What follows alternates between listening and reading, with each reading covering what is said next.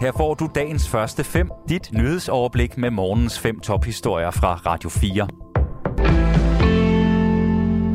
Det er onsdag den 6. juli, og mit navn det er Sofie Levering.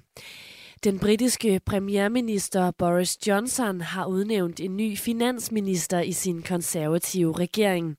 Som står der en officiel meddelelse, skriver nyhedsbyrået Reuters. Det sker efter, at to ministre i går valgte at trække sig fra den britiske regering i protest mod Johnson. Ifølge nyhedsbyrået Reuters og flere andre internationale medier, så kan tirsdagens ministerfratrædelser vise sig at blive dødstødet for den britiske regering. Den har nemlig længe været plaget af skandalesager. Blandt andet har Boris Johnson modtaget stor kritik for håndteringen af en sag om seksuelle krænkelser. Sagen involverer et parlamentsmedlem, der siden er trådt tilbage. Derudover så har Johnson også været presset på grund af Partygate-skandalen. Sagen om, at der har været holdt fester i premierministerens embedsbolig under coronanedlukningen i 2020.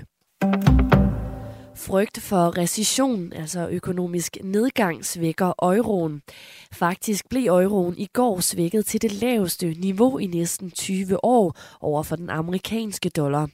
Det sker på grund af stigende frygt for en recession, fordi centralbanker hæver renterne for at bekæmpe en høj inflation. I eurozonen er frygten for en recession forstærket af bekymringer for en energikrise i Europa. Og desuden tyder de seneste handelstal for eurozonens største økonomi, den tyske, på en afmatning.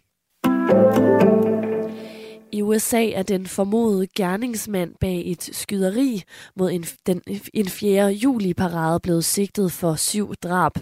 Hvis han bliver kendt skyldig, vil den 21-årige gerningsmand stå over for en straf på livstid uden mulighed for prøveløsladelse. Det oplyser statsanklageren. Ifølge myndigheder havde gerningsmanden planlagt sit angreb i flere uger. Mindst to gange inden mandagens skyderi havde han været i myndighedernes søgelys. Det skete på baggrund af indrapporteringer om, at han troede med at begå selvmord eller udøve skade på andre personer.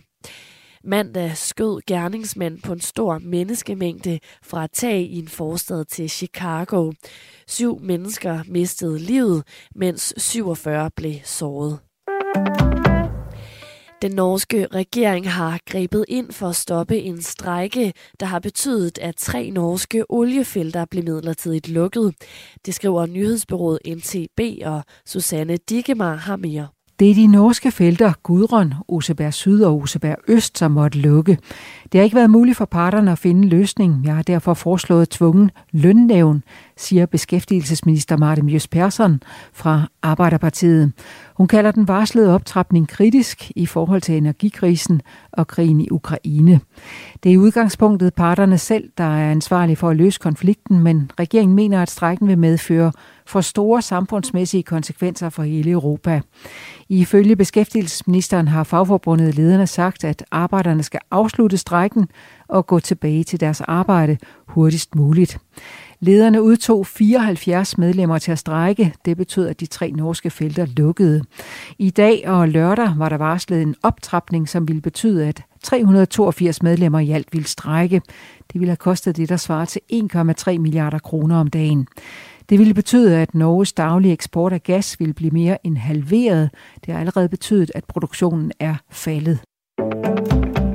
Mange tusinde mennesker mødte i går aftes op til mindehøjtidligheden for de tre ofre for skuddramet i Fields. Det foregik uden for Storcentret i København, hvor blandt andet statsminister Mette Frederiksen talte. Tre uskyldige liv, som sluttede alt, alt for tidligt. Æret være deres minde. Vi er her også for at vise jer, der har mistet en af jeres kære. Et familiemedlem, et barn, en ven. I er ikke alene. Den formodede gerningsmand, en 22-årig mand, blev kort tid efter skyderiet anholdt uden for Storcentret, og han er nu varetægtsfængslet i en lukket retspsykiatrisk afdeling. Dagens første fem er tilbage igen i morgen tidlig. Hvis du har brug for en nyhedsopdatering inden da, kan du altid fange os i radioen, på nettet og i vores app. Vi høres ved til dagens første fem fra Radio 4.